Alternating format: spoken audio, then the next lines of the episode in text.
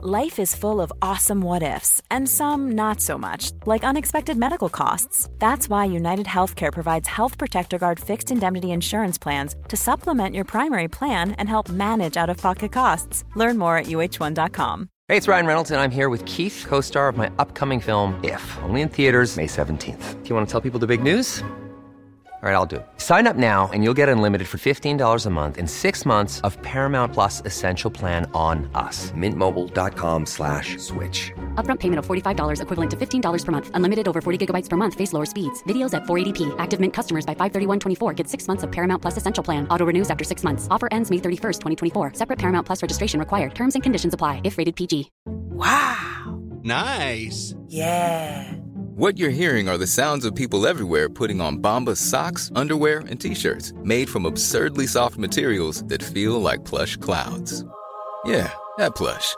And the best part? For every item you purchase, Bombas donates another to someone facing homelessness. Bombas. Big comfort for everyone. Go to bombas.com slash ACAST and use code ACAST for 20% off your first purchase. That's bombas.com slash ACAST. Code ACAST. Quality sleep is essential. That's why the Sleep Number Smart Bed is designed for your ever evolving sleep needs. Need a bed that's firmer or softer on either side? Helps you sleep at a comfortable temperature? Sleep Number Smart Beds let you individualize your comfort so you sleep better together. JD Power ranks Sleep Number number 1 in customer satisfaction with mattresses purchased in-store. And now, save 50% on the Sleep Number limited edition Smart Bed for a limited time. For JD Power 2023 award information, visit jdpower.com/awards. Only at a Sleep Number store or sleepnumber.com.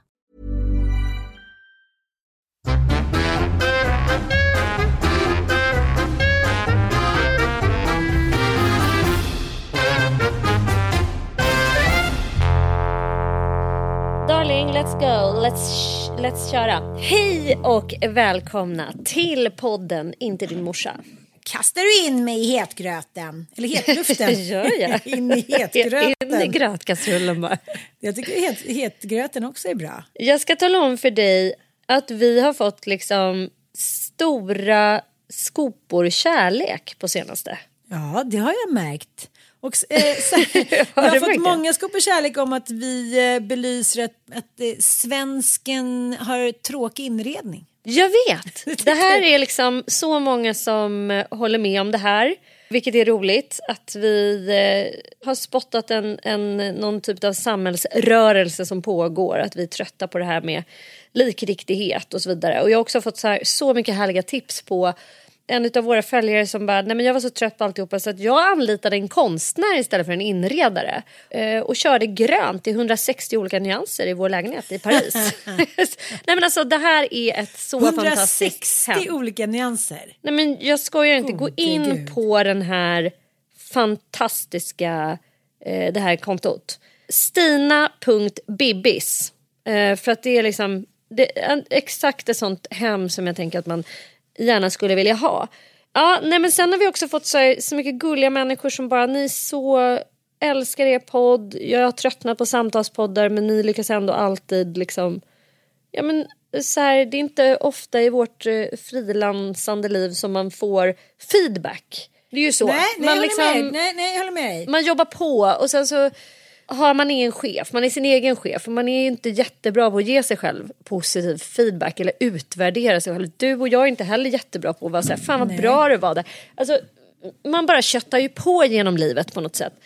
Och det är klart att så här, lyssnar siffror och följare och sånt där, att de stannar kvar kan vara någon slags bevis. Men det är så jävla fint, man blir så här rörd av. Ja, och man tänker så här, vad fint att ni också tog er tid Ja. att skriva det här till oss.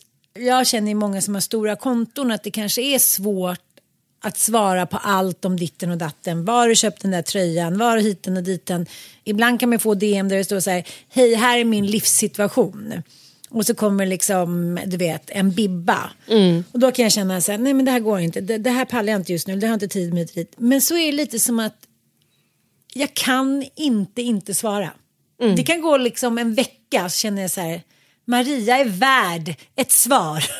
det är liksom en så här, jag känner mig inte snäll. För de är så snälla som delar sitt liv med mig. Förstår du lite vad jag menar? Mm, verkligen. Tack snälla, snälla, snälla, snälla.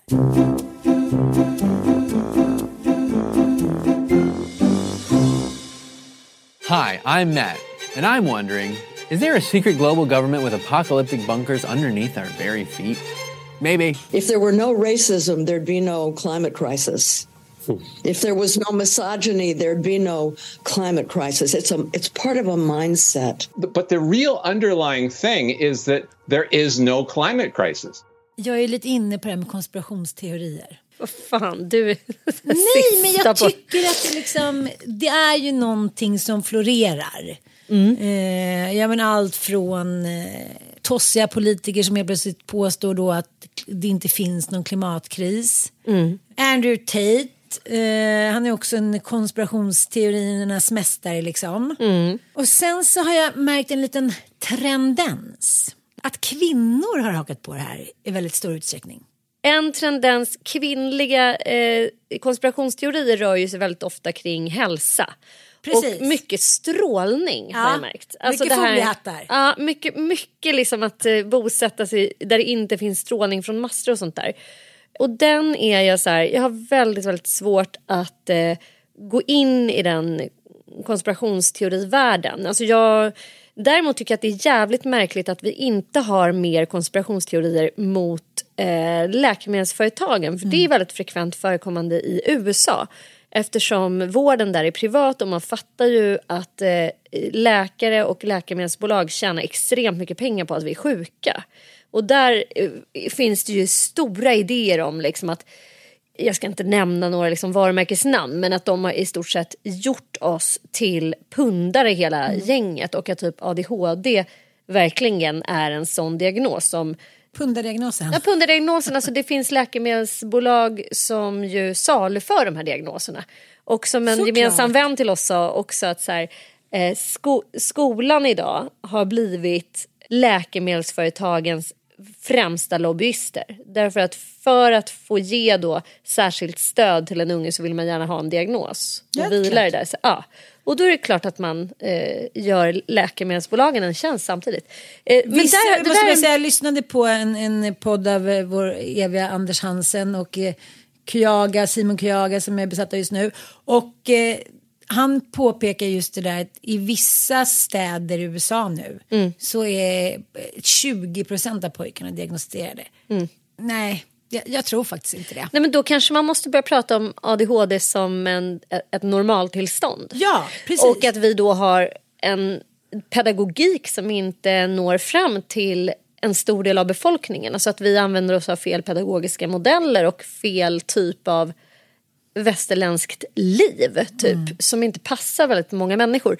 Man kanske inte kan prata om det som en avvikelse längre. Så på ett sätt så kanske det är bra men när man idag dryftar den typen av konspirationsteorier i Sverige så upplever jag att man blir så jävla hårt motarbetad. Att det är liksom Mm. så sinnessjukt. Du blir fortfarande traumatiserad när du tänker på Sigge Eklund. Eklund-gate. och och eh, även, vad fan, vem var det mer? Ja, men det, var, det var någon annan. ja, det var en, en, en Eh, mamma. Kjell Höglund. Eh, det var Kjell Höglund också. De, Just de var var ju eh, riktigt hatiska mot mig för att jag inte tyckte att man skulle missa barn som hade komplex PTSD eh, och ge dem ADHD-diagnos. Alltså att man, det är förväxlande lika symptom. Jag tycker det är väldigt mycket som har förväxlande lika symptom för tillfället. Mm. Det är svårt att bena i det här vad som är vad. Men till deras försvar då, även fast du är min bästa vän, så är det så att när man är mitt uppe i eh, till exempel en utredning kring till exempel ADHD. Ingenting funkar. Eh, familjen håller på att bli utbränd. Eh, man kanske tycker olika. Det är någon själslig eh, utarmning. Alltså, det är kaos i familjen. Det är skönt att få en diagnos och man kan handla utifrån det. Det kanske egentligen inte handlar så mycket om diagnoser men det vet du ju själv när man står och famlar i mörkret. Är så här, varför mår jag dåligt till exempel? Och det vittnar ju många eh, kvinnor om som har eh, liksom, fått en diagnos kring ADHD. Det är några tjejer som har skrivit till mig den här veckan att så här, när jag var liten så det var ingen som pratade om ADHD när jag var liten utan jag fick bara höra liksom, ja, men vilket fuck up jag var. Liksom, att allt var mitt fel och jag var så jobbig och hit och dit. Och eh, det är klart att det här samhället som är idag, Mm. Det kanske inte är så bra för barn då som har de här symptomen. Det var ju någon idé om att man inte skulle visa barn skärmar innan två år då. Mm. Just för att det utvecklar de här symptomen, det kickar ju och triggar igång dem. Den har ju försvunnit. Nu sitter ju typ nyfödda och kollar På iPad. Netflix. Ja. Och, och, eh, Ja. Ja men du vet, också när man är uppe i det där kaoset så, så är det skönt att bara ha någonting att utgå ifrån. Det kanske hamnar på någon helt annan väg. Ja men sen tror jag också så här. Alltså, så- jag har ju, du är en av dem, men jag har ju flera vänner som också har barn som har fått ADHD-diagnos och att man Alltså att ha ett barn som mår dåligt, det har ju jag varit med om. Alltså jag har ju eh, barn som har haft både panikångest, depression och olika typer av symptom som man bara vill så här, jag offrar min högra fot, kan du ta den nu så att han eller hon kan få må bra nu? Och pillret är ju en hägring där framme. Att man bara, tänk om det är så enkelt att när vi bara får rätt medicinering så kommer allt bli bra. Och man suger ju också åt sig den typen av berättelser. Och jag vet ju det själv som jag har en man som har bipolär sjukdom. Att så här, bara du äter litium kommer allting ordna sig. Bara du gör det liksom, så kommer allt bli bra. Då och så blir det bra. helvetet. Ja. Ett tag. Ett tag. Och så blir det bra liksom i till och med kanske två, tre år så blir det lugnt och bra. Men sen funkar det inte längre. Nej. Eller många som mm, vänner jag har med barn som har ADHD-diagnos just, som, som har fått eh, Concerta och Ritalin att det uppstår liksom biverkningar som gör att man inte kan fortsätta medicinera. Alltså att man inte äter tillräckligt, man får näringsbrist, man växer inte, man slutar växa. Eller att man får hög ångest och inte kan sova ordentligt. Så. Alltså det, är så här, det är en ganska svårinställd medicinering. Och Ja. det kan göra att man liksom mår ännu sämre efterhand. Men jag tror att den där hägringen där framme Mm. när man har ett barn som man inte riktigt vet vad det är för så att säga, fel på. Ja. Alltså det, man vill ju bara ha det Ja, där pillret. Det är man som att Gud bara. har så här bara kickat ner en gyllene Ja. fotboll. så Här kommer This is your nedseglande goal. med änglavingar. Så här. Och eh, självklart att man liksom också får reda på vad det är som gör att man kan agera. Att man inte vet, att man liksom famlar i blindo. Men jag tänker också att en bred kunskap generellt, för det finns ju studier som visar att eh, eh medicinering eh, det funkar ju lika bra med anpassad undervisning och att göra anpassningen för att ett barn med den här typen av diagnoser ska kunna fungera. Och det är väl liksom lite där att vi kanske skulle behöva en vidare och större utbildning rent generellt i samhället. Att människor överlag borde liksom intressera sig mer för psykisk hälsa. Alltså det är fan löjeväckande få som ens förstår vad ångest är. Det har vi varit inne på många gånger. Inklusive jag fram tills jag var 30 typ. Ja. Fast jag ändå har en morsa som är psykolog. Liksom. Men det är så många som inte har någon koll på Alltså de här basala jävla grejerna för eh, psykisk hälsa. Sova, äta och motionera. Det kan liksom göra att du mår 40% bättre. De gjorde nyligen en studie på ett antal eh, barn i USA, jag tror det var 70-80 stycken, med AD- ADD. Och sen under tre månader så fick de äta eh, nyttig mat eh, och de fick röra på sig. Och eh, jag tror att det var, inte helt säker, men att 70 procent av symptomen alltså, försvann då hos de här barnen. Helt plötsligt så hade de inte så himla mycket ADD. Jag ska inte säga att, att, att, att, det, att det inte finns, för det finns verkligen. Men det samhället som håller på att utvecklas nu triggar ju alla barn såklart som har de här symptomen och som, eh, vad ska man säga, har, är olika i, inom det här spektrat. Och sätta någon framför en skärm eller mobiltelefon eller stillasittande liv, det är, så här, det är som också be, att, be om att släcka ut hjärnan. Ja, jag tänker på yttre stimuli. Men som vi har varit inne på här i podden. Min om, alltså att jag har omvärderat mina skolår. Att jag liksom bara säger ja men alla måste gå i skolan, det är skolplikt. Det är 30 ungar i varje klass. Det är bara så det är. Miljön är på ett visst sätt.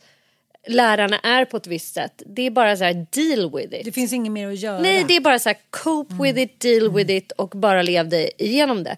Men så här i efterhand kan jag ju tänka liksom att jag står ju knappt ut i grupper större än fem. Alltså går jag in på en, jag eh, har en hjärna som är jättekänslig för stimuli och jag tror att väldigt många har det. Och sen kan man ju miljöträna sig själv mm. till förbannelse, alltså utsätta sig själv för massa stimuli och för att vara i röriga miljöer inklusive en storstad och så vidare där det är bara extremintryck. Men det är utmattande, det, är någon, det gör någonting med våra, våra urtidshjärnor liksom. Hörru, det blir en jävla utläggning här. Konspirationsteorin, ja, vad är din spaning? Ja, min spaning är då dels som säger jag tänkte på ansiktsblindhet. Mm. Ja, det, det, är så många som säger men gud, jag, jag är så ansiktsblind. Du vet, jag kan inte känna igen en enda människa. Och då mm. blir man lite så här, men gud, var lite intresserad då. Mm. Eller liksom så här, ointresse eller, ja men mm. du vet. Ja, men jag lyssnade i alla fall på en podd med Simon Kyaga, eh, psykiatriker och forskare. Mm. Och Anders Hansen, de har ju en podd tillsammans. Inte så frekvent utkommande avsnitt, men den kom lite då och då. Och då pratade de om, eh, om vår hjärna och eh, det finns en forskare som heter Fred Gage. Och eh, han pratade om minnesbilderna som skapas i vår hjärna. Mm. För att om man nu varit utsatt för långvarig stress, vilket är liksom extremt farligt, för då mm. kan inte liksom, då bildas det inga nya celler i hjärnan. Och då blir det svårare att kognitivt minnas såklart, för att det är ungefär så här, oj, en avokado den ruttnade, den kanske inte smakar så gott. Mm. Ja, en liten jämförelse. Men han, han berättar då om att här, man, kommer, man ska minnas saker. Mm. Och då är det ju som att liksom, vårt minne då hakar på olika små bilder som liksom fäller ner andra bilder. Mm. Och vi är väldigt dåliga på att minnas rätt. Det handlar ju om så här, vi vill ju rätta till verkligheten. Eh, vill frisera den, vill romantisera den. Och har den varit dålig så kan den bli ännu sämre. Liksom. Mm. Det handlar om det halvfullt glas eller halvtomt glas. Att säga, vår hjärna är ju inte ett dugg pålitlig. Mm. Men om vi till exempel tränar, äter bra, sover bra som du pratar om. Mm så bildas det nya celler i hjärnan, vilket man inte liksom, eh, trodde fram till för bara liksom, några år sedan att det kunde bildas nya celler. Då sa man ju så här, äh, för fan nu har jag supit bort 2000 hjärnceller va, som aldrig kommer komma tillbaka. Ja, ja verkligen. ja, Vilken jävla myt alltså. Ja, men verkligen en supermyt. När man har tagit slut på dem, då är de slut typ. Ja, ja och eh, liksom vårt instabila minne då, om man ska säga, som faktiskt alltid bara är känslor. Mm. Och det är så jobbigt, det har ju du och jag återkommit till så många gånger, att säga det spelar ju ingen roll egentligen hur mycket vi försöker vara liksom konkreta och eh, liksom se vad som är bra för oss eller försöka vara kognitiva. För när känslorna kommer, det, det, man måste liksom öva och öva och öva på sig. Se vad är det undermedvetna, vad är på riktigt, vad är bara en känsla hos mig. Mm. Det är först om man börjar kontrollera det, jag, jag precis bara snuddar vid det tycker jag nu. Mm. så blir det så här, nej men det är bara en känsla vad är den känslan? Ja, men liksom, sen behöver man inte bli liksom, stoisk och vara så här, nej, det, det är bara det, det, vi ser och det vi har, det, blir liksom, det ska vi klara av de känslorna. Så det kan man ju inte, man kan inte vara stoisk när man har till exempel barn mm. eller är kär eller någonting. Men då tänkte jag så här, jaha, men, men människor som har då varit utsatta under stress under lång tid, då kanske inte de här synapserna klickar till. För när jag gör en liten egen eh, minikinanalys runt omkring de människorna jag känner som alltid återkommer till det här. Men gud vad pinsamt. Gud, jag bara, men det här är helt sjukt. Vi har ju träffat den här personen i 20 år. Vi har käkat en middag. Vi har liksom nästan så haft gangbang. Och du, du minns inte vem det var? Nej, och då, de människorna som jag tycker kognitivt då pratar om det här med att de inte har något ansiktsminne. Mm. Det är människor som har varit utsatta för stress och press under en längre tid. Liksom. Mm. Och du pratar om att det dyker upp allt med minnesorienterande problem som är just relaterade till utbrändhet och stress. Och det skapar en personlighetsförändring såklart. Mm. Och det har ju den här Gage då sett i människors hjärnor att så här, efter långvarig stress så påverkas du, du får en personlighetsförändring. Mm. Såklart tycker jag, it all makes sense.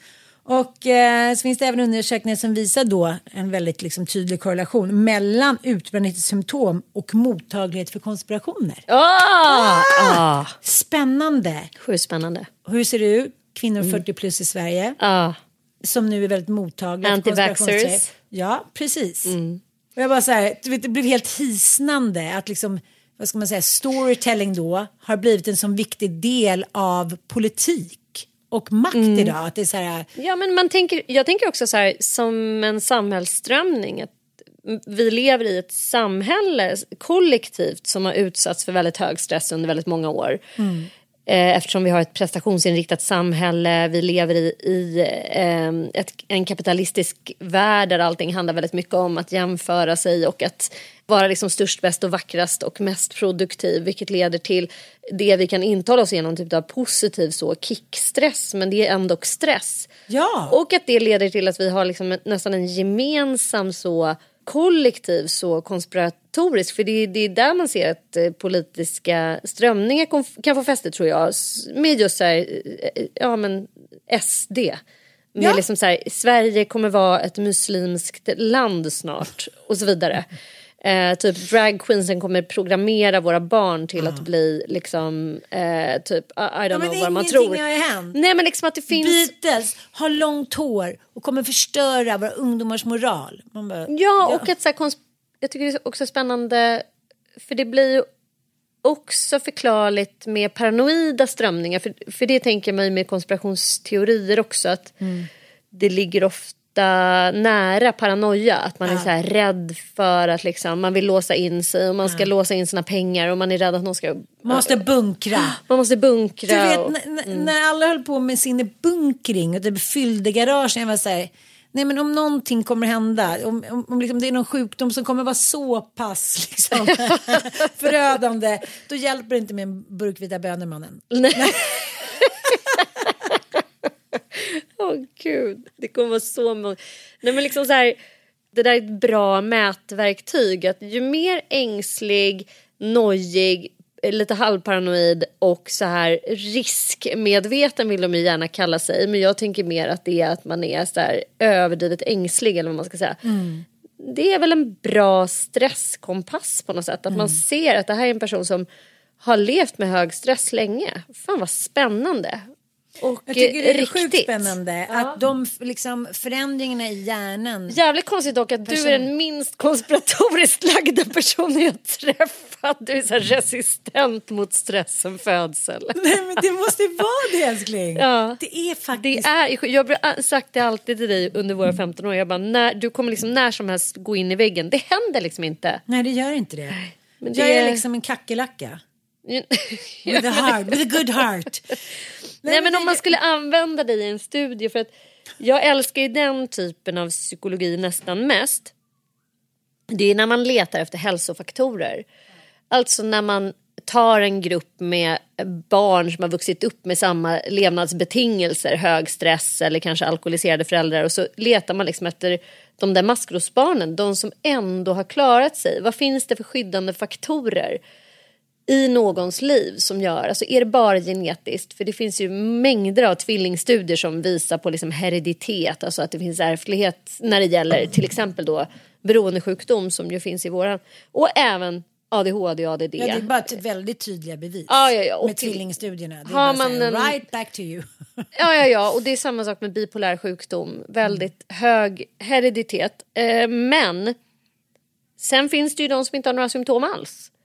De där som sticker ut, och oftast är man inte så intresserad av dem för man letar ju efter samband hela tiden och ärftlighet så att man ska kunna hjälpa dem som är sjuka och har symptom. De som är friska, de passerar ju bara Alltså de, de är friska, de behöver inte bry oss om. Men det finns ju en falang inom psykologin där man liksom forskar på friska hjärnor. Och man forskar på friska personer som är resistenta typ. Jag ska fan skicka in dig That's dit. me. That's till en me. sån Superhero. institution. Nej, men jag, jag tänker att det finns så mycket kognitiva verktyg idag att hjälpa till exempel barn med då, ja men, vad ska jag säga, dampsymptom man ska säga. Och jag, om vi lagstadgade marshmallow-testet i förskolan så tänker jag att vi ska kunna hjälpa så otroligt många barn att tidigare hitta verktyg för impulsförlust. Jag tänker, det, det här är ett test som gjordes på Stanford universitetet på 60-talet. Det gick ut på att eh, barnen gick in då, liksom, Grundexperimentet, Walter eh, Mitchells marshmallow-experiment alltså, Precis. där han placerade en fyraåring i ett kalt rum med en marshmallow framför sig och information att hon fick äta upp den eller vänta tills försöksledaren kom tillbaka för att få ytterligare en. Precis. Mm. Så att liksom antingen får du den där eller så får du två när jag kommer tillbaka. Och därefter lämnades då det här fyraåriga barnet ensamt med sin marshmallow och sina tankar. Och eh, här då kan man säga att det anses vara liksom ett av psykologins viktigaste test någonsin. Så tvistar de nog där hit och dit. Men nu har det fått liksom tillbaka sin, eh, sin, tid i rampljuset. Det är som du säger, det är många som eh, filmar sina barn i hemlighet. När de gör, utsätter barn för de här typen av marshmallow-test då. Men det som jag tycker är så spännande som jag läste om häromdagen. Det är att de följer ju fortfarande de här barnen. Och deras föräldrar och deras barn. Alla som då var med i det här forskningsprojektet har de följt sedan dess. De som inte åt eh, marshmallowen eh, har klarat sig så otroligt mycket bättre. De har blivit mer framgångsrika, de har högre inkomst, de har inte dött eh, lika ofta i förtid, de har inte hamnat i beroendesjukdomar, det har, de har fått högre befattningar. Det är otroligt tydligt. Och då tänker jag så här, om man skulle låta barn gå igenom det, för det enda som behövs just där, det är ju att någon går in med ett verktyg och säger så här, ska vi snacka om det här nu? Finns det något sätt att du skulle kunna stänga bort den där lilla vita fluffiga godisen? Kan du tänka på något annat? Kan du hoppa upp och ner? Dansa lite grann Ja, just det, att ta kontroll över sina Eh, impulser. och sitt begär och sina känslor, vilket det alltid i slutändan handlar om. Och, eh, för det är ju det som man gör till exempel om man får en panikångestattack. Då ska man ju tänka i den här klassiska fyrtanken. Då ska man ju tänka i den här eh, klassiska fyrkanten. Och jag var ute och joggade i söndags och bara så här, "Äh, vad är det nu då? Jag kan ju tycka att sen, när man sätter igång pulsen ganska snabbt så kan man ju hamna i det där, "Åh, gud vad händer nu? Att kroppen inte riktigt är beredd. Då kan jag få lite så här liknande panikångestattacker. Och då andades jag i den där fyrkanten. Och det har jag gjort lite senaste veckorna när jag hamnat i, eh, ja men, när, vad ska man säga? Ja, när, när den där lilla då triggerhjärnan sätter igång, man vill direkt skicka iväg ett sms, man vill direkt gå till attack, man vill direkt så här, försvara sig mot, ja, vad ska man säga, sina inre liksom, sårade känslor. Och så andas man lite i den där fyrkanten. Eh, och tänker man att man ska sluta så fortsätter man lite till. Och när man har andats klart i kanske en minut då vill man inte längre skicka det där smset. Då är man inte lika sårad. Då har man liksom, man har så här, man har, vad ska jag säga, bidat sig tid att kunna ta ett litet, litet steg bakåt och så här, vänta nu, jag sonderar terräng. Vad är det bästa alternativet? Är du fortfarande lika upprörd? Skulle det hjälpa om du satte igång nu, någon liten fight eller någonting? Och eh, jag, jag tror ofta att det finns liksom mycket Men det är därför du och jag tror. älskling ska um, tatuera in på något för oss synligt ställe stabilisera dig. Ja. och en marshmallow. Och en marshmallow. För att eh, det slår ju aldrig fel att så här, med lite tid. Jag, jag tillämpar ju principen när det gäller shopping till mig själv. Ja. Att jag aldrig köper det jag får begär efter samma dag. Jag går alltid hem och tänker på saken. Och det förhindrar 50 procent. Och det har jag tvingat mina barn att göra också. När de får så här, jag vill ha de här skorna, de kostar 3000, jag säljer allt jag, din, min egen morsa. Det vill säga du. Eh, och det är att här, nej, imorgon gör vi det. Eh, liksom så. Och det måste jag säga funkar skitbra. För ungefär i hälften av alla deras så här, ha-begärs ögonblick så försvinner det på ett dygn. Så det är en bra grej. Men du, jag har ändå väldigt rafflande info här. För att samtidigt, Skvaller. så här funkar jag som och människa. Nej, men jag blir direkt så att jag måste börja googla då för jag tycker det här marshmallow-testet är så intressant och spännande.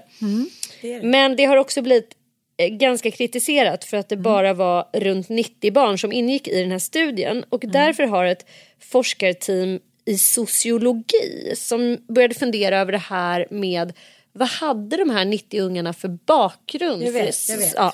Så de gjorde om det här experimentet med 900 barn Mm. från olika samhällsskikt och etniska grupper. Man tog också hänsyn till faktorer som föräldrarnas utbildning och inkomst. Mm. Och här framgår det ju liksom så jävla spännande saker. Jag vet. Jag I vet. gruppen med barn där mamman var högskoleutbildad var det inte någon skillnad i skolresultat i 15-årsåldern mellan de barn som tidigare hade ätit upp marshmallow och de barn som hade väntat. Alltså det spelade ingen roll om man hade en morsa som var högskoleutbildad. Om man hade hög impulsstyrning eller inte. Det var inte heller någon större skillnad mellan de glupska och de tålmodiga inom gruppen där mamman inte hade högskoleutbildning. Däremot så var det skillnad mellan grupperna där fler barn med högskoleutbildade mammor lyckades vänta på sin andra marshmallow och också hade bättre skolresultat som 15-åringar. Dessutom klarade de barn med lågutbildade mammor men med bättre ekonomi att vänta längre på sin marshmallow än barnen i gruppen med låg socioekonomisk status. Det fattar man ju. Make all sense. De är så här, all, får inte godis lika ofta. Det är klart att det är mer attraktivt för, för en fyraåring som ah, nästan aldrig kanske har råd med godis att man vill smaska i sig den. Nu. Kanske Pronto. hungriga också. De kanske är hungriga. Ja. Jessica McCrory Calarco, vilket jävla namn, konstaterar i tidningen The Atlantic att ett skäl till att barn från ekonomiskt sämre förhållanden snabbare åt sin marshmallow är att de helt enkelt inte är säkra på när de ska få en belöning nästa gång. Nej. Man bara shit Sherlock, tänk att de sitter och gör såna här enorma insatser, eh, forskarna, för att liksom konstatera egentligen eh, nonsens ibland. Man bara, men gud, tänk ett varv till. Eh, men framförallt visar den nya rapporten som så många andra hur avgörande föräldrarna är för barns framgång. Alltså att det är föräldrarnas högskoleutbildning eller eh, ekonomiska status egentligen som är mest avgörande för hur ett barns liksom, framtid ska se ut. Och, och det är ju jävligt deppig fakta för det är ju allt annat än att lösningen ligger i ett vitt piller. Ja, det är det jag Och det menar. vill vi inte Det är höra. en otrygghet att man inte är helt säker på, ska det finnas mat på bordet? Kommer jag kunna få någon belöning? Kommer jag kunna få en julklapp? Kommer jag få en marshmallow? Att det hela Ja, och det är tiden- också träning i tålamod. Jag tänker så här. Eh, om man är en mamma som har kniven mot strupen ekonomiskt och inte har liksom, eh, mat till sina barn, vad gör man då? Troligtvis jobbar man hela tiden eh, och har inte tid att träna sina barn i tålamod. För det är ett, också ett idogt träningsarbete. Det vet alla som har hundvalpar att inte fan sitter de kvar särskilt länge när man in, introducerar den träningen. Eh, Utan det är liksom någonting som växer över tid. Att så här, nej, men Du klarar av att sitta i två sekunder och sen växer det på några månader och blir tre minuter. Det är därför man har så svårt för uppfostrade hundar. Ja, precis. För att de flesta orkar inte hålla på att eh, uppfostra dem. Det är tråkigt. Man vill ha quick fix. Man vill att det ska gå snabbt. Och man har inte tid. För det är tidskrävande att, att uppfostra både barn, hundvalpar, katter och liksom... Men många ja. så här konspirationsnördar älskar Jordan B. Peterson. Inklusive du. Nej, nej, nej, det gör jag inte. Jag, jag tycker att han är stilistiskt eh, ganska begåvad. Ja, jag gör- gillar honom. Vilket gör att det, det är väldigt underhållande att läsa hans böcker. Det är som att bli utskiten ur en häst typ. Man bara, woof, woof, woof. Han har liksom intressanta tankar. Han är väldigt liksom, socialt bevandrad och begåvad. Men han har ett kapitel i sin bok. Är 12 livsreglerna. 12 livsregler, ett motgift mot kaos. Precis. Eh, I, ett, eh, I liksom ett kapitel då, eller en eh, livsregel då, så tar han ju upp just uppfostran. Och han gör det på ett så här väldigt flagrant och uppenbart sätt så att man så här, det finns liksom ingenting att tillägga. Man, man- man, orkar inte liksom ens så här, men å andra sidan om man... hum, hum, hum. Det handlar he- helt enkelt om så här, om ditt barn sitter och skriker liksom vid matbordet. Ja, då får du försöka tala barnet till rätta tills det förstår att det inte är, och gör det inte det, ja då får du ta i med hårdhandskarna och säga att då får du inte sitta vid matbordet. Eh, Det finns ju väldigt många morranliknande mammor just nu som eh, en kompis påpekade till mig igår som var så här bara Tobias är lycklig så är jag lycklig. och det tror jag också är en, liksom en del efterdyningar av den här utbrändheten. Kvinnor föder liksom barn allt senare. Man orkar ju inte. Jag har en kompis nu som precis har fått barn. Hon är 43. Hon var så här. Jag är så trött. Jag har ont i huvudet. Tror att det kan ha hänt någonting? Är det någon sjukdom? Har jag cancer? Och så här, Nej, du är 43. Förr i tiden födde man barn mellan 15 och 23. Sen var det typ over and out. Då dog du i barnsäng eller liksom. Och idag tror vi att vi ska så här, träna, göra karriär, bootcamp, föda, föda barn vid 52, lex Petra Mede. Klart att vi blir psykiskt sjuka. Och utbrända. Och för, förlåt. Ja, förlåt, Eh, men nej. hur tänkte Gud där? Alltså, eller hur tänkte vi? För det är väl snarare det att vi tänker eh, inte alls när vi ska göra planen själva. Nej, för när vi... är gudar. Vi kan Ja, göra vi fan vi gudar, vi gör- Det finns ja, ett piller, vi det finns en, ja. en kran att stoppa in någonting med. Det finns ett ägg att köpa. Allting, det som Gud på något sätt då stod för eller avgjorde. Mm. Det gör vi nu själva. Och jag tror så här, just nu kan vi inte hantera det. Det kanske kommer att vi kan hantera det, men just nu kan vi inte det. Nej, alltså det kan ju definitivt vara en eh, orsak tror jag till att allt fler mår allt sämre trots att vi eh, aldrig har haft det så bra. Alltså i vårt land i alla fall och generellt över världen. Och det, många säger så här, ja men man kan inte säga så för vi har mycket större kunskap av psykisk ohälsa och folk vågar söka hjälp och sådär. Men det stämmer inte riktigt. Det för är att- inte hela förklaringen Nej, eh, eftersom det är fler självmord hos, bland Ja. unga och sådär också som, som vittnar om att det inte bara handlar om att man söker hjälp i högre utsträckning utan man inkluderar ju även de som inte gör det när man gör sådana undersökningar. Det, då har man liksom en svag tilltro till till metoden för att liksom mäta så här. Och i, I Sverige kan man säga att vi är sjukt bra på att mäta, alltså göra statistik. Vi har ju haft Statistiska centralbyrån, vilket absolut inte finns i alla länder. Och Det vi har ju mätt sexigt. Ja, men det är liksom någonting absurt med att vi ska mäta allt, allt, allt. Ja. Inklusive hur mycket godis vi äter och Ja. vi gör ju det mest i hela världen. Mm. Eh, det kan dock vara missvisande för jag tror att det är ganska få andra länder som ägnar lika mycket resurser åt att mäta något som är rätt Nej, onödigt. men de har ju också så äckligt smågodis. Skulle de bo här? Vi har ju världens bästa smågodis. Ja, lycka till att flytta till Sverige. Men man är i USA, man bara tio olika sorters godis i något rött format med sockerpuder på. Man säger nej, jag behöver inte äta godis. Jag tar en Någonsin nöt. mer. Jag slutar. Får jag bara avsluta då med Mm. att om man då är en morgonförälder och så ser man det, ett barn speglar det i sin förälders ansikte. Jag är lycklig bara mitt barn är lycklig. Mm. Det är ju inte lätt att växa upp i det, att vara en liten smågud. Det är klart att det ställer till saker. Mm. Och sen ska man helt plötsligt sätta en boundary eller en regel då när man är 18 och säga nej, nu får du klara dig själv. Så bara, hur fan ska det gå till? Det är skitsvårt.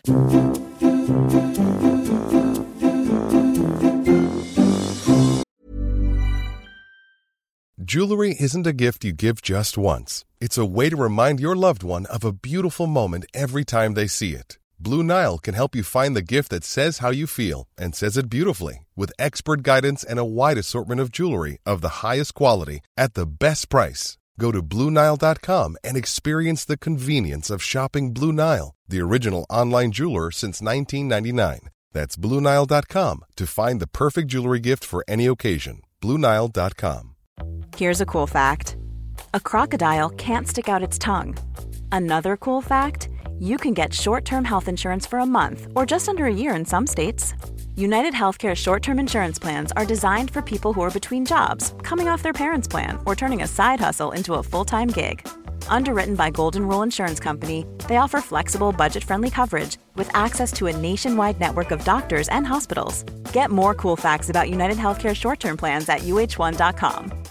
Imagine the softest sheets you've ever felt. Now imagine them getting even softer over time. That's what you'll feel with Bowl and Branch's organic cotton sheets. In a recent customer survey, 96% replied that Bowl and Branch sheets get softer with every wash. Start getting your best night's sleep in these sheets that get softer and softer for years to come. Try their sheets with a 30-night guarantee. Plus, get 15% off your first order at bowlandbranch.com. Code BUTTERY. Exclusions apply. See site for details.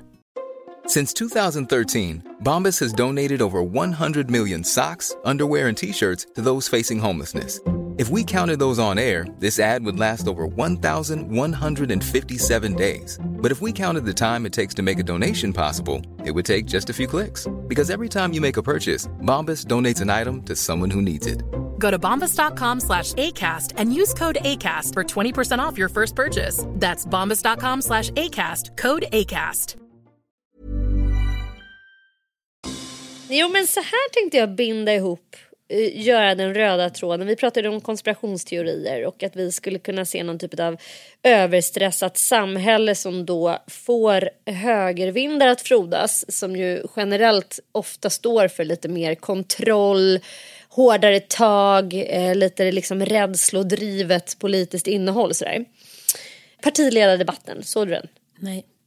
Mm, men den är ju... springer inte så mycket nu. Ja, men du får ju titta på den i, i efterhand för den är ju underhållning på hög nivå. Framför allt när det kom, alltså den, den kommer ju att handla om i stort sett ingenting. Förutom drag queens vara eller icke vara.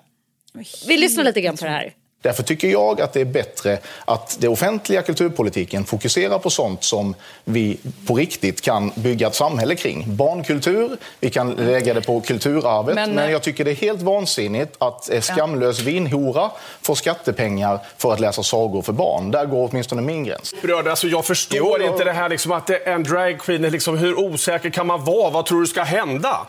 Vi kan väl Vad gå jag- dit, vad, ska hända? Nej, jag- en, vi kan väl gå dit, men vad är problemet att om biblioteket har fått ett anslag och biblioteket bjuder in dem eller så är det två fågelskådare eller vad det kan nu som ska berätta något. Liksom, Bli inte så himla nervös av Jag det. är Liksom, inte du- ett dugg nervös. Jag kan gå dit att, ihop. Att eh, dr- drag queens och sånt kan vara jätteunderhållande. Men det är ju för vuxna. Det är ju inte för barn. Om man Ska- kallar ska sig för skamlös vinhora så är det inte ni för barn. Mycket av eh, debatten kom ju att kretsa kring shameless wine whore.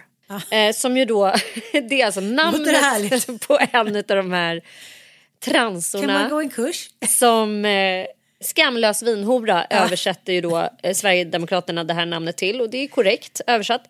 Och eh, det är då ett namn som en av dragartisterna har använt i tidigare i andra sammanhang, eh, ska, ska dock tilläggas. Det här är ju då någonting som SD-politiker tycker är extremt upprörande. Alltså varför ska det sitta grovt sexualiserande personer och läsa sagostunder för barn på offentligt finansierade eh, bibliotek. SD-arna vill liksom försvara sig och menar att de, de motsätter sig inte eh, drag queens eh, generellt. Hela den rörelsen får absolut existera i vuxna sammanhang. Men inte bland barn. Och här är det då, har det blivit liksom som ett krig, som att folk står där och bara så här, jag fattar, hur fan kan man vara så jävla vidrig att man inte tycker att de här dragqueensen är så härliga och så vidare. Men är det just eh, biblioteksproblemet? Alltså Ja, men där- här, där måste de vi- får inte vara ja. på liksom Per Albins stuga. Nej men de SD generellt ska vi veta har ju liksom en höger eh, syn på kultur. Att de tycker egentligen inte att det offentliga ska bekosta kultur överhuvudtaget. Det tycker inte Moderaterna heller. Det finns jättemånga Nej, moderater nej. som tycker att till exempel bibliotek ska bli privata. Som det är i USA. Det vill säga du betalar en liten avgift för att låna en bok.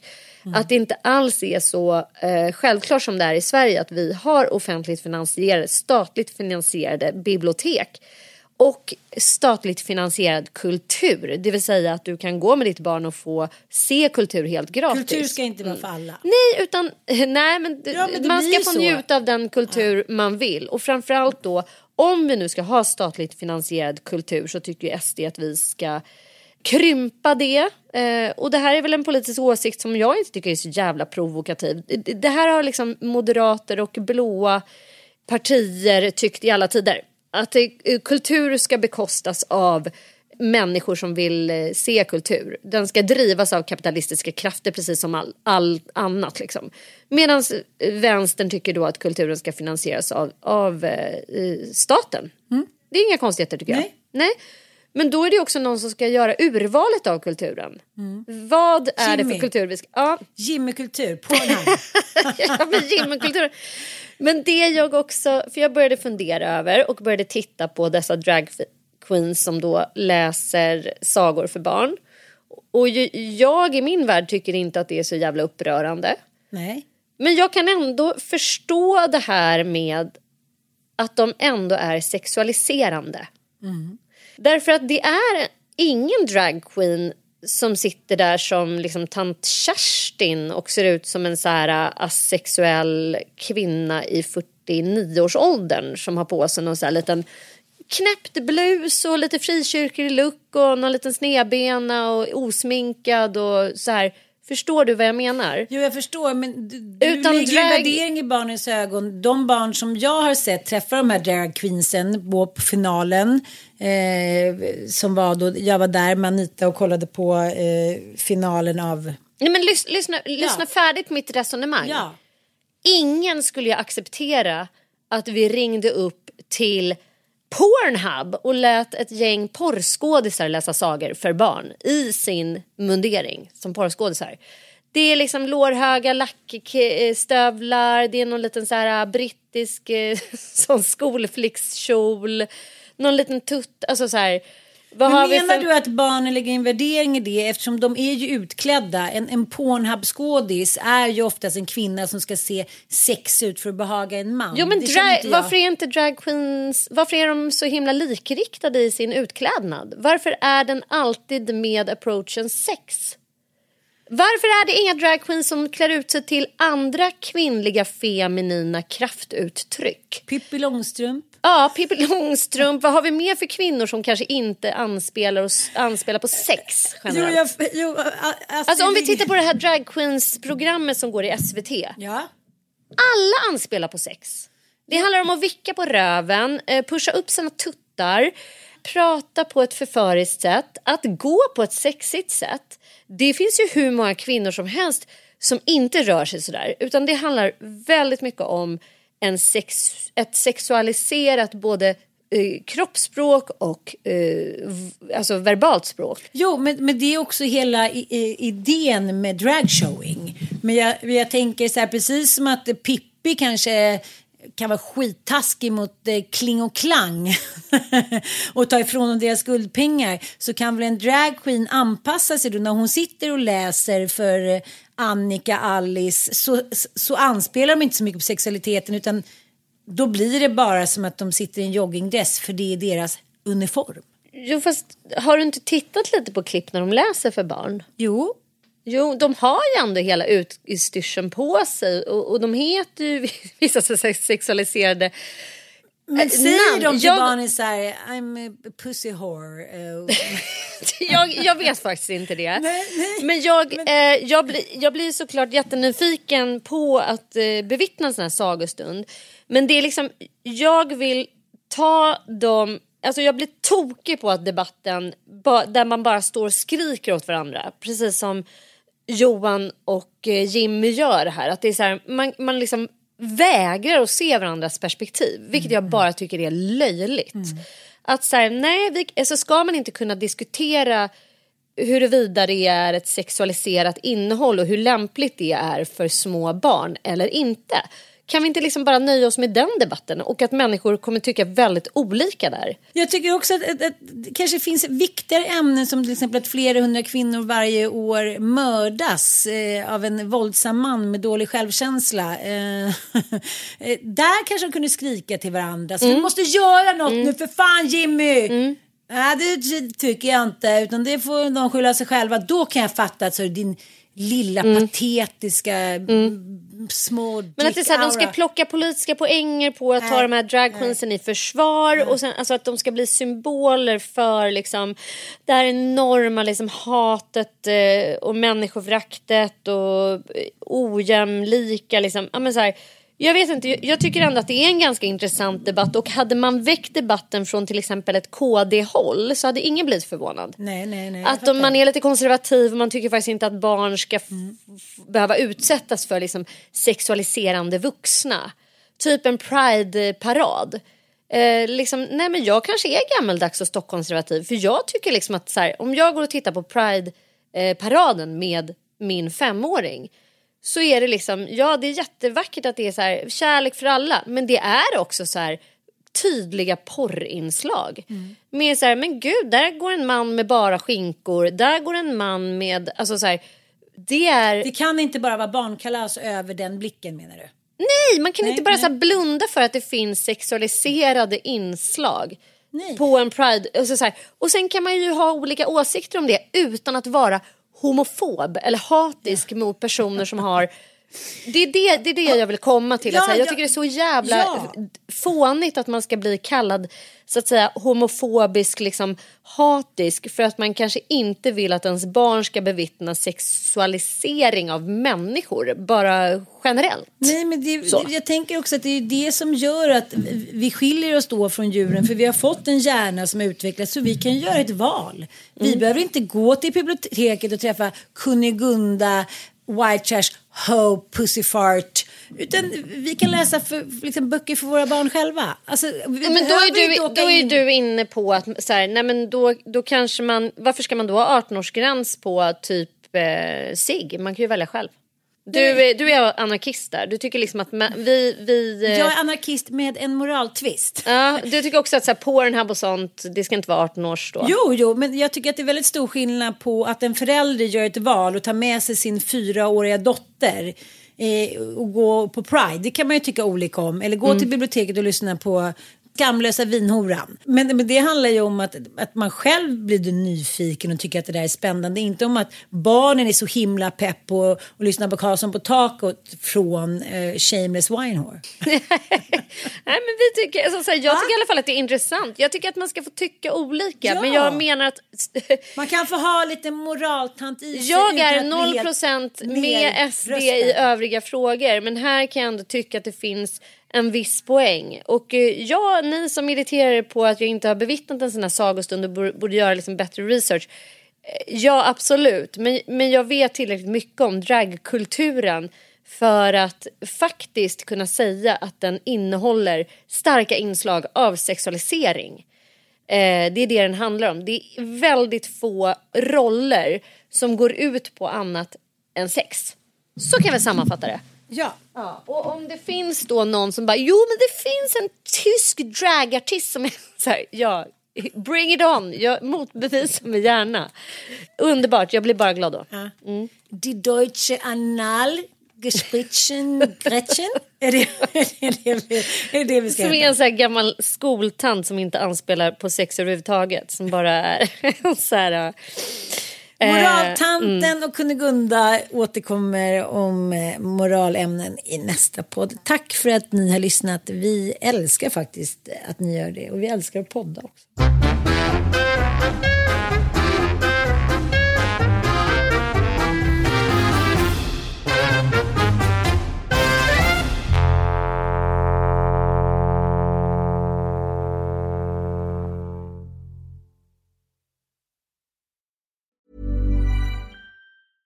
Imagine the softest sheets you've ever felt. Now imagine them getting even softer over time. That's what you'll feel with Bowl and Branch's organic cotton sheets. In a recent customer survey, 96% replied that Bowl and Branch sheets get softer with every wash. Start getting your best night's sleep in these sheets that get softer and softer for years to come. Try their sheets with a 30-night guarantee. Plus, get 15% off your first order at bowlandbranch.com. Code BUTTERY. Exclusions apply. See site for details. Hi, I'm Daniel, founder of Pretty Litter. Did you know cats tend to hide symptoms of sickness and pain? I learned this the hard way after losing my cat, Gingy. So I created Pretty Litter, a health monitoring litter that helps detect early signs of illness by changing colors, saving you money and potentially your cat's life. Pretty Litter is veterinarian developed, and it's the easiest way to keep tabs on your fur baby's health right at home. Go to prettylitter.com and use code ACAST for 20% off your first order and a free cat toy. Terms and conditions apply. See site for details. Planning for your next trip? Elevate your travel style with Quince. Quince has all the jet setting essentials you'll want for your next getaway, like European linen, premium luggage options, buttery soft Italian leather bags, and so much more. And is all priced at 50 to 80% less than similar brands. Plus, Quince only works with factories that use safe and ethical manufacturing practices. Pack your bags with high-quality essentials you'll be wearing for vacations to come with Quince. Go to quince.com slash pack for free shipping and 365-day returns.